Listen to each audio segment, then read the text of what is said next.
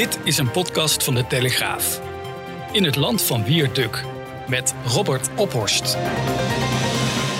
Donderdag 25 maart is het. En het is weer een uh, ouderwetse klassieke aflevering. In de zin dat we geen gast hebben, maar er gewoon jij en ik, Wiert. Ja, ja. En genoeg te bespreken as, en as we speak namelijk. Heel veel te bespreken. Niet alleen omdat we elkaar uh, twee weken niet gezien hebben en gesproken. Maar eh, nee, we, we, werden net uh, over, nou ja, overvallen. Um, het, het, nieuws nu, as we speak, is inderdaad uh, dat uh, de aantekeningen van verkenner Olongren op straat liggen. niet te geloven. Ze moesten binnen, Binnenhof natuurlijk hals over kop verlaten omdat ze besmet bleek, bleek met corona. En terwijl ze, terwijl ze wegloopt, heeft een wakkere ANP-fotograaf haar op de kiek gezet. En een nog wakkere parlementaire redactie ontdekte dat de aantekeningen te lezen waren. Ja, uh, welke parlementaire redactie was het ook alweer? Uh, ik geloof collega Inge, Inge Lengton. In van Inge Lengton die meteen op Twitter uh, de, de, aantekeningen ontleden en daar ook meteen een, een, verhaal van heeft gemaakt. En iedereen, iedereen heeft dat inmiddels. Ik weet, niet, ik weet ook niet zeker of wij de eerste zijn. Ik ga dat gewoon claimen. Wij waren de eerste. Ja, precies. In ieder geval heel goed, heel oplettend werk. Laten we ja. even zeggen wat je daar ziet staan. Ja. He, op die foto dan zie je dus inderdaad, dat is een foto van de aantekeningen die minister Ollongren en verkenner Ollongren dus bij zich draagt. Um, terwijl ze ja, getest is positief met uh, corona. Dat is ook wel een apart verhaal.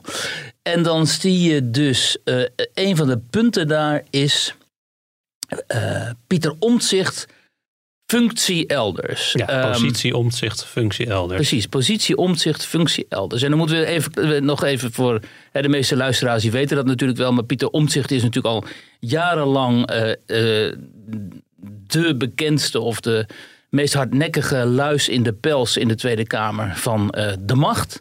He, Omtzigt die heeft zich uh, enorm druk gemaakt over een groot aantal dossiers. Uh, is ook heel succesvol in geweest. Hij is vooral zelf persoonlijk verantwoordelijk geweest voor een soort opschoning van de politieke cultuur. Althans in ieder geval de politieke klasse op Malta. En hij is natuurlijk samen met Renske Leijten van de SP vooral um, bezig geweest om dat hele toeslagenschandaal bloot te leggen. In samenwerking met collega's van RTL en Trouw.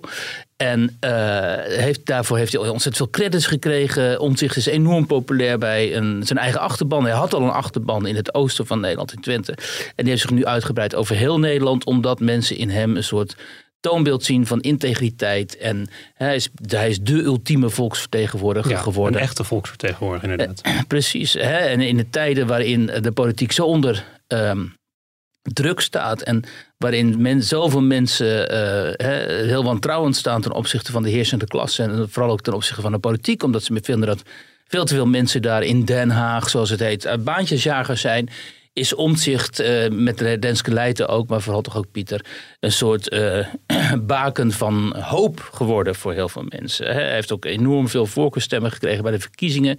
Iets minder geloof ik dan Wopke Hoekstra. Daar, daar, daar ziet het wel naar uit als je ja. alles bij elkaar optelt, begrijp ik. Maar met, op zijn eentje is hij verantwoordelijk voor iets van vijf zetels. Hè? Dus als, het, als hij zich zou afscheiden van die CDA-fractie, dan neemt hij in principe gewoon net zoveel kiezers mee als vijf zetels. Dus hij zou gewoon. Een, en er zijn er ook nog heel veel mensen die wel op hem hadden willen stemmen, maar niet op het CDA willen stemmen. Dus laten we zeggen, dat zijn ook nog eens een keer twee, drie zetels.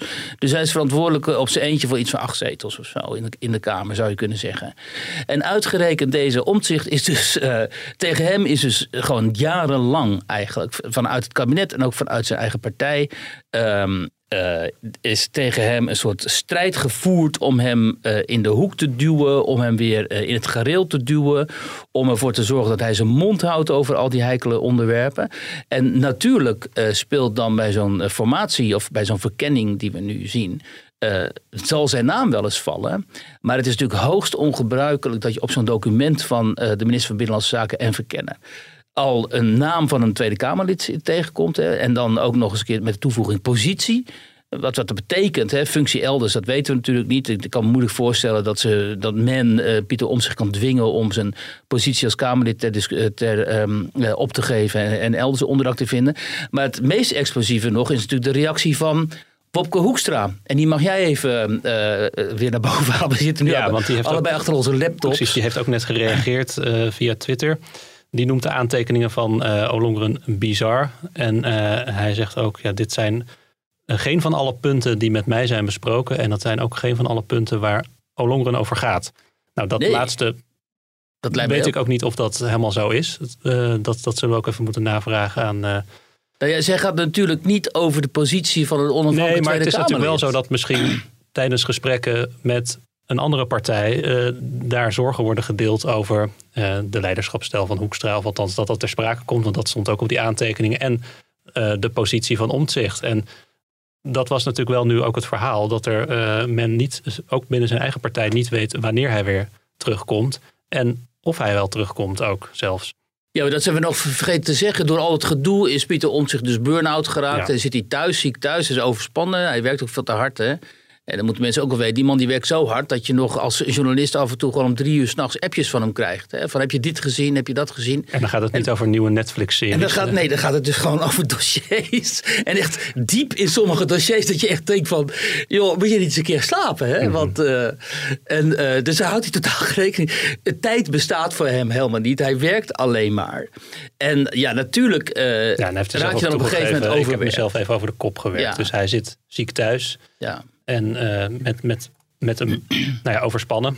En er is weinig contact met hem, eh, begrijp ik nu, ook binnen de partij. Wat ook logisch is, want iemand die ziek thuis zit, moet je gewoon even met rust laten. Ja, maar dit is natuurlijk voor alle deelnemers hier eh, schadelijk. Hè? Voor Ollongren enorm, omdat dat appt een collega mij ook net. eh, ja, lekker van dit soort zaken van ambt. hè? Dat is een ambtsmisdrijf, dus het is eh, strafbaar. Nu heeft ze natuurlijk niet bewust gelekt, maar ja. Ik weet niet hoe je dit zou moeten uitleggen. Het is toch wel heel erg schrijnend dat juist wat jij eerder voor de uitzending ook zei, dat in een tijd waarin wij allemaal thuis moeten blijven en hè, omdat ehm, eh, corona heerst, eh, gaan deze mensen ehm Ja, wel naar daar- het Binnenhof. Precies, en daar zit ik me echt een beetje boos over te maken. Anders was dit ook nooit gebeurd. Maar wat, wat je zegt, we, we worden al een jaar lang werken we noodgedwongen thuis. Althans de meeste van ons. Wij zitten hier nu in de podcaststudio, dus wij doen daar ook niet aan mee. Maar elke persconferentie wordt ons weer ingepeperd door Rutte en de jongen dat we ons toch niet genoeg aan de maatregelen houden. Dat we de basisregels niet genoeg in acht nemen. Als we die basisregels in acht zouden nemen, zouden er überhaupt geen, zouden er geen besmettingen meer zijn. Maar de regels worden niet goed genoeg nageleefd. En uitgerekend in Den Haag gaan ze gewoon door met eh, fysieke eh, vergaderingen en ontmoetingen en formatiegesprekken. Wat allemaal ontzettend belangrijk is. En daar valt En best wat, besmettingen. wat valt best wat voor te zeggen. Maar heel Nederland werkt via Teams, behalve in Den Haag, zo Ja. lijkt het. En nu, nu is er dus een, inderdaad een besmetting bij Olongeren in navolging van, van Keizer. En eh, alle, alle lijsttrekkers die daarin eh, in- op gesprek zijn geweest in de Kamer, die moeten het zich ook laten testen en kunnen beter uit voorzorg misschien in quarantaine. En wat gebeurt er dan inderdaad? Ja, dan raken bewinds, bewindslieden besmet. En bij het verlaten van, eh, van het Binnenhof zijn dan die aantekeningen te lezen. Ja, zo, dus het, het doel van we moeten hè, die geheimhouding garanderen en zo, Ja. dat mislukt hier dus ook Want, episch. want dat was het argument om door te gaan met die fysieke ontmoetingen. Vanwege de vertrouwelijkheid kon dat beter niet digitaal. Maar dit kabinet eh, is toch wat dat betreft eh, een enorme faal. Echt, ik bedoel, die hele corona-aanpak, de vaccinatie-aanpak, waar nu hè, de, de, de, de avondklok die zomaar verschoven wordt. En dan Rutte gaat dan ontkennen dat het met de Ramadan te maken heeft. Maar ja, je kunt er natuurlijk donder op zeggen dat het daarmee te maken heeft. En dan dit weer, het is toch faal op faal op faal. En eh, wanneer stopt dit? Wanneer zegt ook zo'n Wopke Hoekstra eens van jongens, eh, ja, hij heeft de verkiezingen gewoon verloren natuurlijk. Dus hij heeft ook gewoon zelf heel slecht gedaan. Maar wanneer zeggen mensen daar eens jongens, eh, even kap hiermee. We gaan ook even nieuw personeel zoeken gewoon. Want hè, Hugo de Jonge en zo, en nu zo'n Ollengren die altijd de mond vol heeft over dat we gedreigd gehackt te worden door Russische hackers en weet ik veel wat. En dat eh, websites als Geen Stijl en zo eh, fake nieuws verspreiden.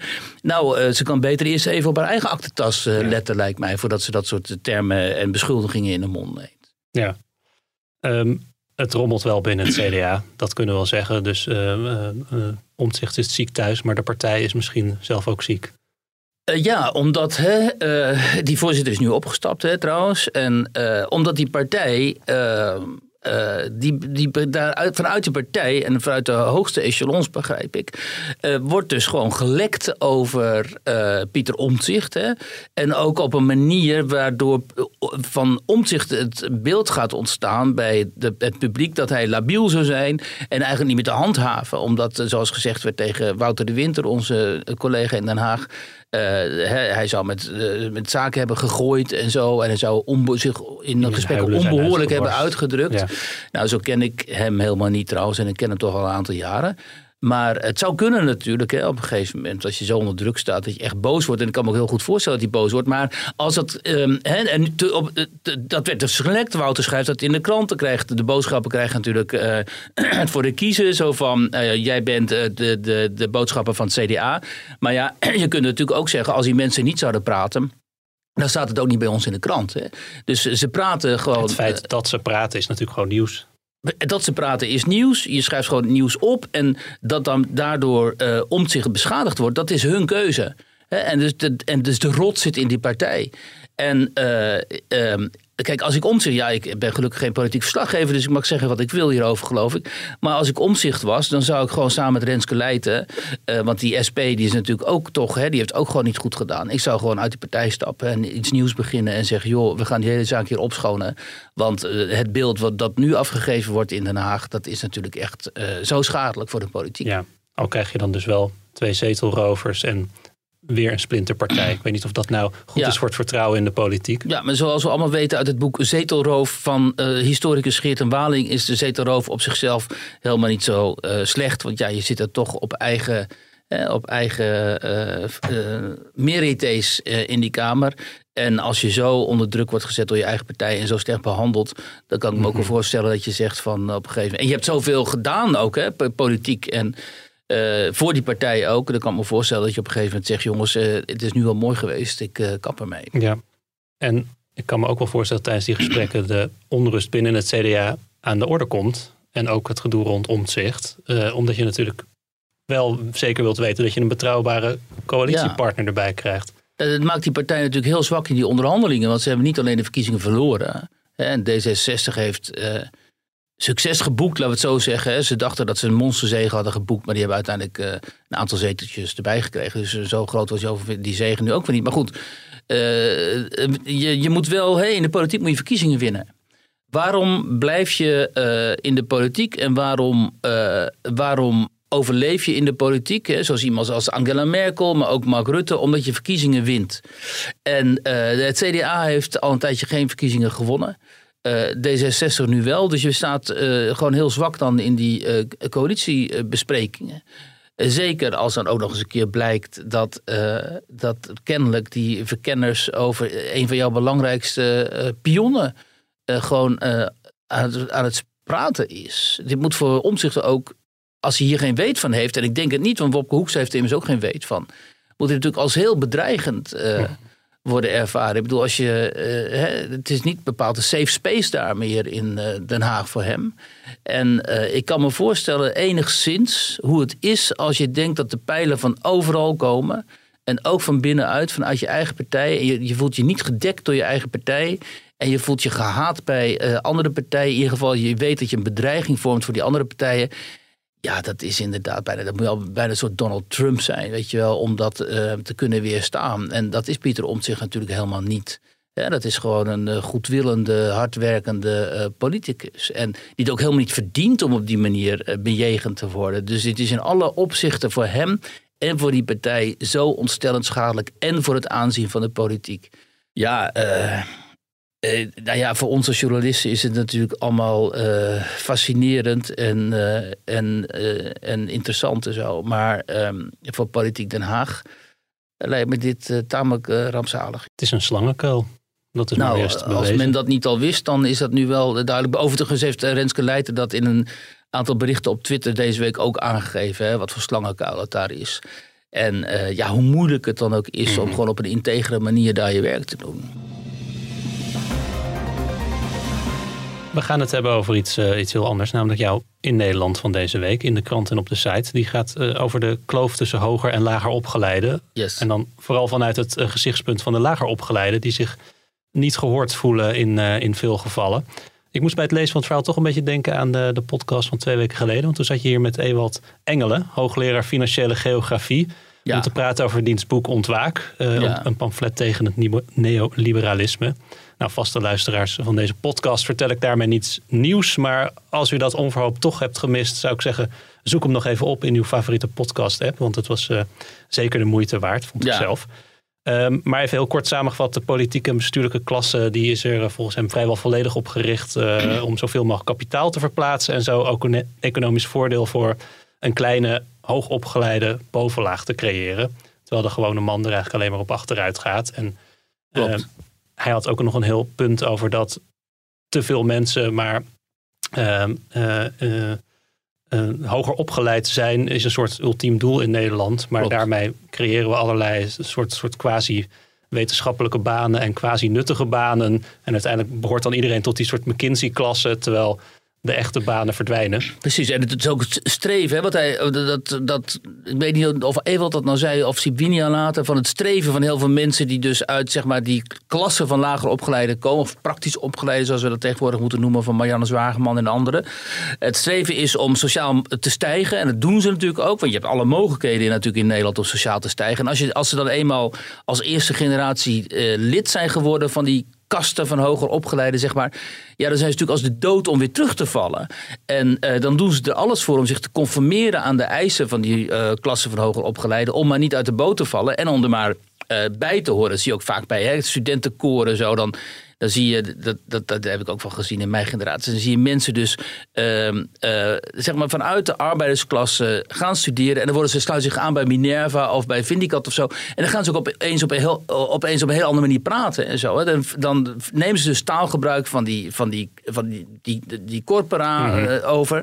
En, ehm, en krijgen opeens ook een aardappel in de keel en zo. Wat natuurlijk heel naar is eigenlijk voor hun ouders. Maar ja, ze denken dat het dan zo hoort. En goed, daar op zichzelf is daar natuurlijk ook helemaal niks op tegen. Alleen als je dan, uh, als, uh, als het gevolg daarvan dan ook is dat je tegen ten opzichte van die lagere, praktisch opgeleiden, arrogant gaat opstellen.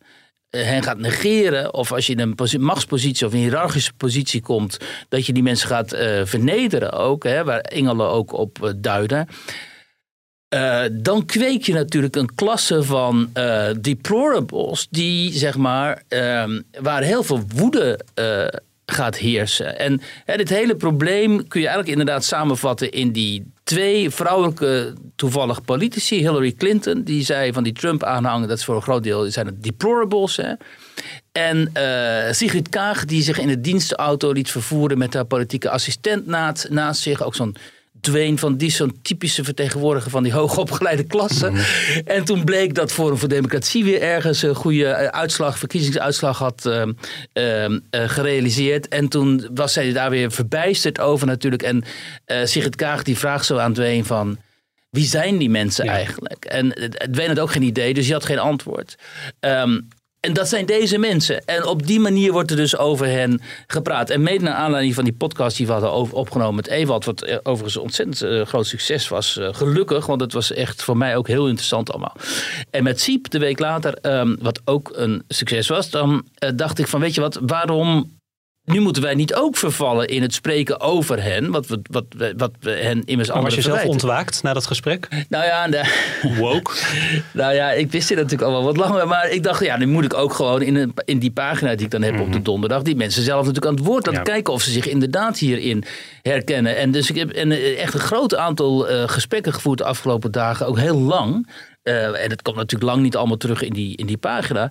Met, uh, met een man of zeven, acht of zo wel. En uh, dan ben je wel, daar, daar, schrik ik wel van hoor, moet ik zeggen. En vooral één jongen, uh, Danny, um, die, uh, die uit een hele moeilijke, met een hele moeilijke achtergrond heeft. In Leeuwarden is op een gegeven moment ook in een psychose geraakt, een aantal maanden, omdat, omdat hij zo slecht ging met hem thuis, met zijn moeder.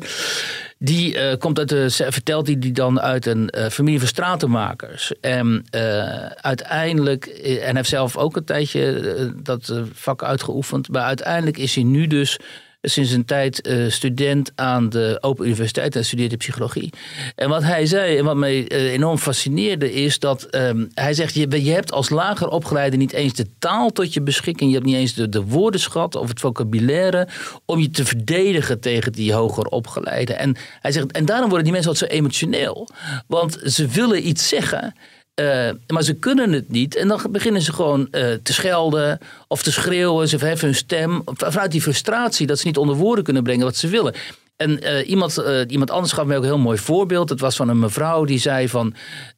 ten tijde van Pim Fortuyn. Die zei, Pim Fortuyn die zegt wat wij willen, wat wij denken. En toen vroeg die verslaggever, wat denkt u dan?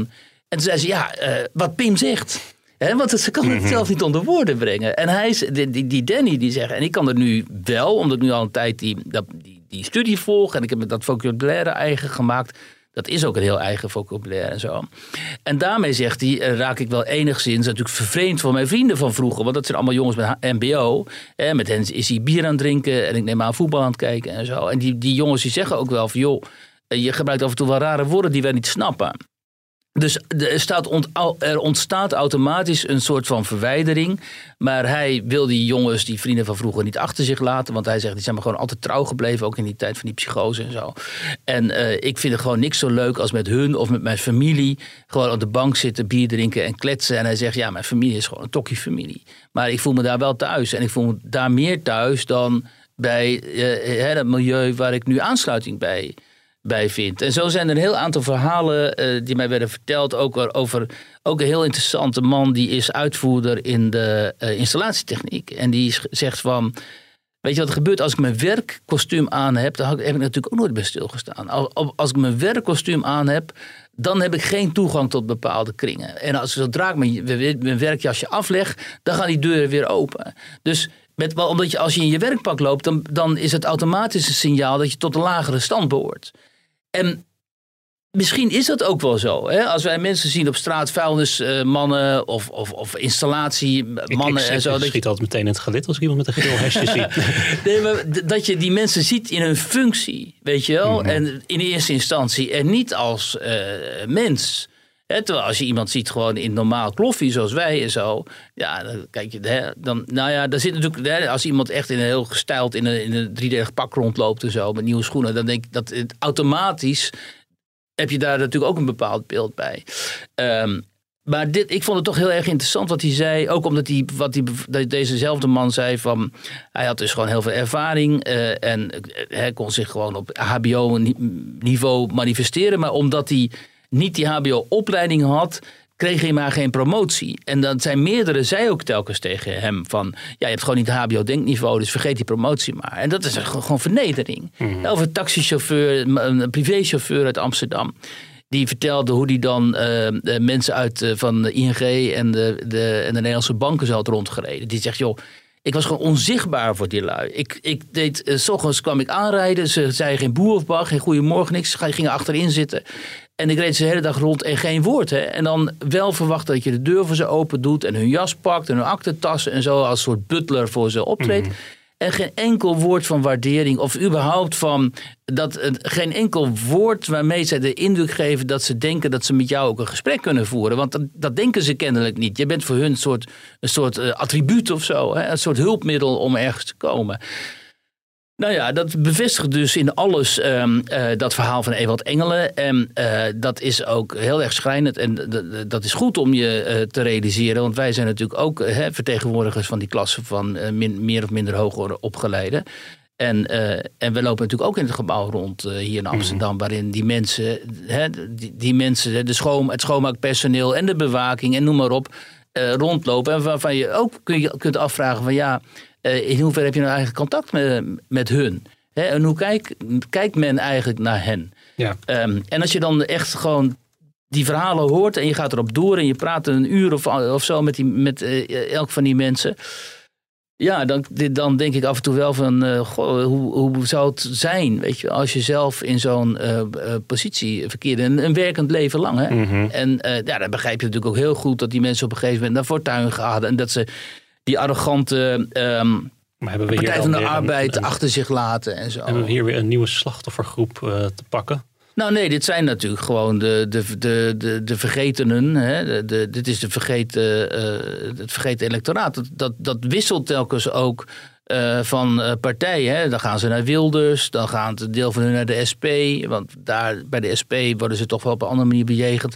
Nu is een deel van hen naar Forum voor Democratie gegaan. Hè. Het is toch maar de vraag of Thierry Baudet nu echt werkelijk zoveel bekommernis om hem heeft. Maar ze voelen zich daar dan meer meer thuis en zo. Maar dit is natuurlijk het natuurlijke electoraat van de sociaaldemocratie. Uh, en die sociaaldemocratie, dat is dus een partij, of de Partij van de Arbeid is natuurlijk een partij geworden voor de hoger opgeleiden bij uitstek. En die zijn dus met enorm dédain naar hun eigen natuurlijke achterban uh, gaan kijken. Uh, en hebben zich uh, bekommerd om de hoger opgeleide en de allochtonen. En deze mensen, die zijn ze gewoon vergeten. En dat is het groot, dat is, maar dat weten we allemaal. Dat is natuurlijk het grote verraad van de sociaaldemocratie. En dat gaat ook nooit meer goed komen, al helemaal niet mhm. met, met mensen als Ploemen en zo. de, hoewel die er natuurlijk op tamboureert de hele tijd als ze een melkmeisje is, althans de dochter van een melkboer. Maar die, die partij die heeft dat gewoon helemaal laten afweten. En ja, dat, dat is een van de grootste tragedies van uh, deze tijd, omdat uh, uh, die tweedeling veel te groot is. En dat is ook heel interessant wat Engelen ook schrijft en wat ook wel in de literatuur verder benoemd wordt. Dat is dat um, al die maatschappelijke zeg maar, kringen, hè, politiek, bestuur, cultuur, media, onderwijs dat is allemaal in handen van die hoger opgeleiden. Wat er uiteindelijk toe leidt dat beleid, hè, zoals dat geformuleerd wordt in de Tweede Kamer en elders door het kabinet, dat gaat ook, begint ook allemaal in dienst te staan natuurlijk van die hoger opgeleiden. En omdat dat zo is, en wat dan ook vaak die hoger opgeleiden wordt gevraagd... voor joh, wat vind je eigenlijk van je leven in Nederland? En die zeggen dan, ja, ik vind het helemaal fantastisch, hè. Uh, met mij gaat het goed. Ja, misschien met de samenleving wat minder. Maar met mij gaat het goed. Lijkt het alsof Nederland een heel uh, gelukkig land is. Terwijl als je gaat differentiëren naar klassen. Dan blijkt dat inderdaad die hele grote groep van hoger opgeleid. Want dat is inmiddels bijna de helft van de bevolking of zo. Dat het met hen best wel goed gaat. Of zelfs prima gaat. Maar dat met die andere groep. Deze mensen over, over wie we het nu hebben. Het helemaal niet zo goed gaat. Uh, alleen die verdwijnen zelfs in dat soort enquêtes uit beeld. En dan mhm. kunnen we toeteren van. joh, in Nederland gaat het in alle opzichten eigenlijk fantastisch. We lopen te uh, maar dan zien we deze mensen dus gewoon eh, compleet over het hoofd. Maar misschien gaat het over tien jaar wel veel beter met die loodgieter dan met die uh, ZZP'er die film- en televisiewetenschap heeft gestudeerd. Nou, dat denk ik wel. Kijk, en in financieel opzicht sowieso als een loodgieter gewoon goed zijn werk doet en hij komt aan de bak, dan verdient hij uiteindelijk natuurlijk veel meer dan die quasi hoog opgeleide mediawetenschapper. en dan, maar dan nog blijft hij in de sociale status achter. Ja. dan, zal, eh, eh, dan zal er een grotere discrepantie bestaan tussen eh, zijn financiële mogelijkheden en zijn sociaal-economische situatie en de manier waarop hij in de samenleving wordt bejegend. Kijk jij naar Mokromafia? Nee. De Videoland-serie? Nee, dat, ik heb wel trailers gezien af en toe en ik hoor wel van mensen dat het goed is en zo, maar uh, ik heb er eigenlijk nog nooit naar gekeken. Ik, ik heb ook geen Videoland, dus ik heb het ook niet gezien. Maar ik begin erover omdat uh, twee acteurs uit die serie, Bilal Wahib en uh, Oussama Ahamoud, betrokken zijn bij een, bij een zedenzaak. Of althans, Bilal Wahib is verdachte in die zaak. hij is niet alleen mokro-maffia-acteur, maar ook jeugdpresentator bij, bij de NPO, bij ja. BNN-VARA. En nou, voor de mensen die het nog niet gevolgd hebben, maar deze week had hij tijdens een livestream op Instagram een, uh, een, een, een, vermeende grap uitgehaald met een uh, 11 of 12-jarige jongen. Ja. Ten overstaan van duizenden uh, viewers op dat moment. En hij had die jongen uit zijn broek gepraat. Of althans had gezegd, laat je piemel zien. En dan krijg je 17.000 euro, geloof ik. Jongetje van 12. Ja, nou dat was dan een grap. Want een piemel kan helemaal niet kijken. Dus het was een woordgrapje. Maar uiteindelijk is daar aangifte van gedaan. En is hij ook aangehouden. Inmiddels wel weer vrij nog wel verdachte. hem wordt het en ik geloof zelfs het maken van kinderporno uh, ten laste gelegd. Dat laatste, uh, ja, hij wordt verdacht van het verspreiden van kinderporno, ja, moet ik het wel even goed zeggen. Ja. Um, jij wilde het daar toch nog even over hebben ook. Uh, hij zit donderdagavond bij talkshow Bo aan tafel samen met zijn advocaat. Ja. Ga je kijken? Nee, Net zoals ik destijds ook niet naar Holleder heb willen kijken bij Twan Huis. Omdat ik vind uh, dat die, omdat ik het beu ben dat die talkshows zo op de emoties spelen en zo op uh, de kijkcijfers. Dat ze ook uh, deze grens overgaan en dit soort mensen aan hun uh, tafel halen. Ja, maar is dat niet bij uitstek functie ook van een talkshow het, het, nieuws van het gesprek van de dag aan tafel hebben en aan tafel voeren met de hoofdpersonen?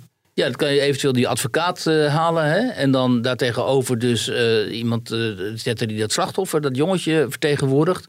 Maar als deze dader daar nu zelf ook gaat zitten en natuurlijk weer gaat uh, half, je loopt te janken dat hij het allemaal niet zo bedoeld heeft. En dat het eigenlijk een uit de hand gelopen grap is. En dat hij ook nog maar jong is. En dat hij een tweede kans verdient en zo. Ja, dan krijg je dus van die toestanden zoals die treitervlogger destijds ook. Hè, die Ilan uh, Ismail Ilgun uit uh, Zaanstad. Die gewoon openlijk op camera uh, het raadslid Juliette Rot bedreigde. Wat enorm bedreigend was voor haar. Hè. Ik heb haar toen een tijd lang goed gevolgd. Te veel met haar gesproken en zo is heel bedreigend als er een groep Turkse, nou ja, Turkse, het maakt niet uit wat voor jongeren, maar in dit geval waren dat dus meest Turkse jongeren uh, aankomen rijden in een auto. En uh, die stappen uit en die beginnen jou toch uh, gewoon eigenlijk met de camera gewoon te bedreigen. En in plaats van dat die Ismail toen destijds um, werd gebrandmerkt als um, een, de schof die hij was. Hè? En dat hij gewoon genegeerd werd verder door de media. En dat hem Isma's gewoon, eh, dat hij Isma zijn boete zou gaan doen. En het zou gaan moeten zorgen dat hij een fatsoenlijk uh, mens werd. Er werd hem onmiddellijk hè, uh, allerlei aanbiedingen gedaan. Hij mocht op de stoel van Matthijs van Nieuwkerk gaan zitten bij de Wereld Draait Door. Wat ik de grootste schande, het schand, meest schandalige moment vind, geloof ik, in de geschiedenis van de Nederlandse tv-journalistiek. Hij kreeg een aanbieding van het Algemeen Dagblad, waar ik toen werkte, om daar iets te gaan doen. Toen jullie waren collega's?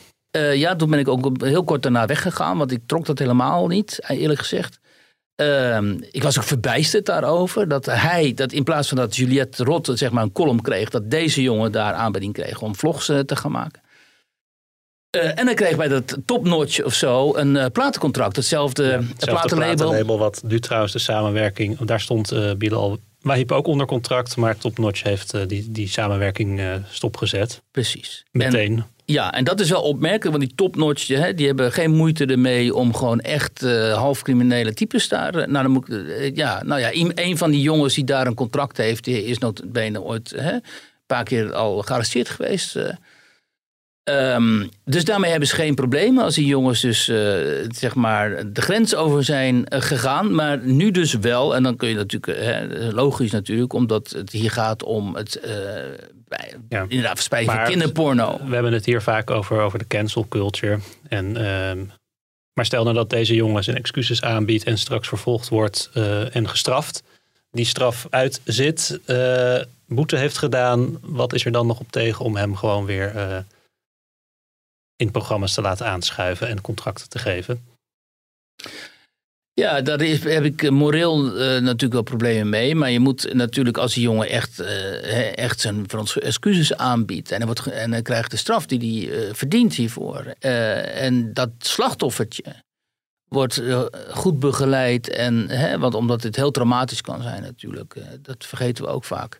Ja, dan kan ik me dan kan dan moet je natuurlijk die die die uh, Bilal heet hij, vervolgens niet uitsluiten meer van uh, maatschappelijke van de maatschappij. Alleen dan is het aan die redacties weer om uh, zichzelf af te vragen: moeten wij die jongen nou weer uitnodigen? Mm. Om zijn verhaal te laten doen? Of zullen we dit maar even gewoon dit keer um, um, negeren? En zullen we deze beker aan ons voorbij laten gaan? Maar tot en dan, die tijd vind je dat hij gecanceld moet worden? Nou, tot die tijd vind ik dat ze met zijn advocaat kunnen spreken, nogmaals. En dat het, vind ik het uh, uh, een type heel cynisch om hem dan ook aan te laten schuiven.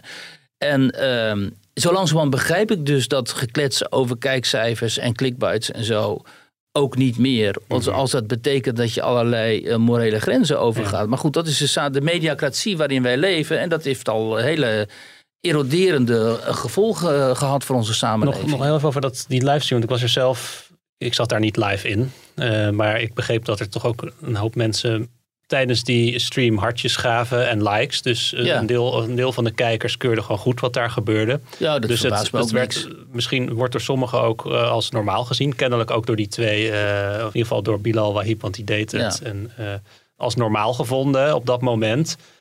Uh, maar is het dan ook niet juist misschien goed om in zo'n programma als Bo zo'n jongen aan te laten schrijven met zijn advocaat en uh, kritisch uh, te ondervragen en misschien ook zijn excuses te laten aanbieden nogmaals en ook duidelijk te maken in zo'n programma dat, dit, dat we dit niet moeten normaliseren en ook aan die mensen die misschien anders tijdens zo'n livestream dat allemaal maar normaal en grappig vinden, dat die ook beseffen van hé, hey, dit is een crimineel feit. Dat nationale schandpaal. Nou ja, en dit heeft, dit heeft gevolgen voor dat slachtoffer. En dat je misschien daardoor ook bewustwording creëert bij ja. mensen. Maar dat hoeft natuurlijk niet per se op deze manier. Hè. Kijk, destijds met Holleder was er helemaal geen sprake van nationale schandpaal. Die werd gewoon half gefeteerd daar op het podium van de College een, Tour. eh, celebrity inderdaad op dat moment. Dat was gewoon een bekende Nederlander op dat moment. hè. Dat was natuurlijk een dieptepunt voor de Nederlandse journalistiek. Een, een van de. Eh, en dat zou dit eh, ook weer worden, vind ik. Omdat je helemaal niet die jongen nodig hebt om, eh, dat kan zijn advocaat ook doen, om te laten zeggen: ja, sorry, ik ben hartstikke fout geweest en het spijt me enorm en zo. En dit gaan we niet meer doen. En ik vind dus dat je heel veel aandacht moet hebben voor het slachtoffer. En voor wat dit doet met slachtoffers. Hè, want het kan het leven lang traumatische ervaring zijn. Je zou maar op deze manier geëxposed worden. En je bent 12, hè? Weet je, het is, het is in alle opzichten zo ontstellend laag. Het zou je kind zijn, weet je wel. En dan eh, altijd maar denken daarmee weg te komen. En inderdaad, die mensen die dan die hartjes gaan sturen. En ook zag ik nog een andere eh, video van weer zo'n rapper. Die dan dat jongetje begon te beschuldigen. Want dat jongetje was een hoedje, omdat hij dat dan deed, weet je wel. Dan denk ik, hoe in godsnaam zijn deze mensen eh, A, zo geworden? Zijn die niet opgevoed of zo? Bestaat er geen opvoeding daar? En hoe in vredesnaam zijn zij zo'n soort semi-bekende Nederlanders kunnen eh, worden? Als je zo'n totaal geen enkel moreel kompas hebt, hè? hoe is dat toch mogelijk? En dan zullen mensen wel zeggen, ja, dan heb je die duk weer. Dat is een, is oude zeiker, die is te oud aan het worden. Maar ja, als een samenleving zozeer zijn morele kompas verliest... dat dit soort mensen gewoon komen bovendrijven en eh, een soort beroemdheden worden. Ik zag die beelden ook nog in een ander, ander filmpje... met ook een heel jong ventje ergens over, werd hij geïnterviewd en zo... En toen begon hij over eh, dat hij de zus van dat jongetje dan wel zou, hè, eh, zeg maar, ehm, eh, geslachtsverkeer mee zou hebben en zo. Dat plopte gewoon maar uit en dat jongetje, oké, nou ja, oké dan en zo, weet je. Dan je, man, man. En dat wordt allemaal. Ja, en dat is natuurlijk ook gewoon de, de pest van die publieke omroep, van die omroepen in Nederland. Eh, Daar is natuurlijk, bestaat bijna geen moreel kompas meer. Als je ziet wat er allemaal langskomt en wat er langs kan komen. En iedereen vindt het maar grappig. En iedereen vindt het maar. Hè, we zijn quasi een vrij land en we moeten dat allemaal maar tolereren en zo. Want hè, we zijn zo eh, liberaal en zo. Dit heeft natuurlijk helemaal niks met liberaal, eh, liberalisme te maken. Of met moralisme als je het afkeurt. Dit heeft gewoon te maken met wat ik zeg. Met een heel erg haperend moreel kompas op die redacties, bij die omroepleidingen, eh, bij de mensen die daar de baas zijn in Hilversum, eh, bij uh, boven Erven Dorens kennelijk ook. Nou ja, dat, uh, dat is uh, heel tragisch om dat te constateren, maar dat is niet nieuw. Ik weet niet zeker of hij nog terugkomt bij BNN-Vara, maar in ieder geval de, de uitzendingen die nog gepland stonden met het programma of de herhalingen daarvan, die zijn wel geschrapt. Dus ja. ze, hebben wel, uh, ze nemen dit wel hoog op. Ja, nou heel mooi. Goed. Um, heb je nog een, een slotwoord voor uh, onze lieve luisteraars? Ja, ik ga onder de podcast, uh, denk ik, uh, is, um, de link, ga ik een link hangen met een aantal boeken die mensen kunnen lezen over deze problematiek van hoog en laag opgeleid en films die ze erover kunnen zien. Dus uh, de, ze moeten daar even op letten. Dan ga ik wat stichtelijke literatuur um, op Twitter zetten. En mensen die niet van lezen houden, die kunnen dan naar die films kijken. Omdat dat toch wel heel mooi inzicht geeft in uh, ja, wat, wat, je dus meemaakt als je uit zeg maar, die lagere klasse komt. En je werkt je op naar boven. En Dux, hoe lastig curriculum. dat is. Precies. Het is niet mijn curriculum, maar uh, het is wel het curriculum wat heel veel mensen zullen herkennen. En, en, ook wel mensen die je kent, die, mm -hmm. die zijn gewoon op die manier zeg maar, volwassen geworden. Dus die zullen zich daar ook wel in herkennen dan. Oké, okay, dat gaan we, dat gaan we yes. lezen en zien dan. Dankjewel Wiert voor deze week weer. En alle luisteraars ook bedankt en graag tot de volgende keer.